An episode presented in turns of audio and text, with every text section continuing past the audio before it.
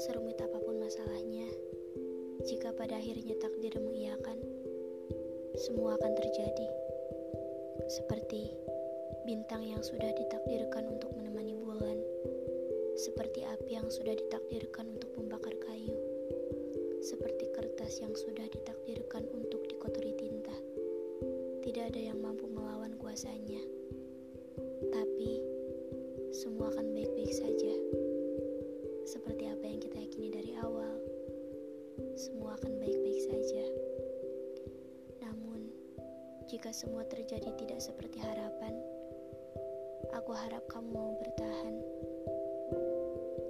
Karena seburuk apa pun yang terjadi, kamu tidak boleh menyalahkan Tuhan. Karena dari awal kita menyadari bahwa ada banyak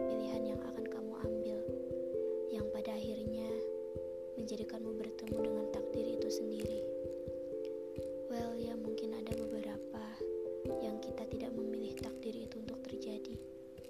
Tapi itu juga bukan salah Tuhan. Bukan salah kamu.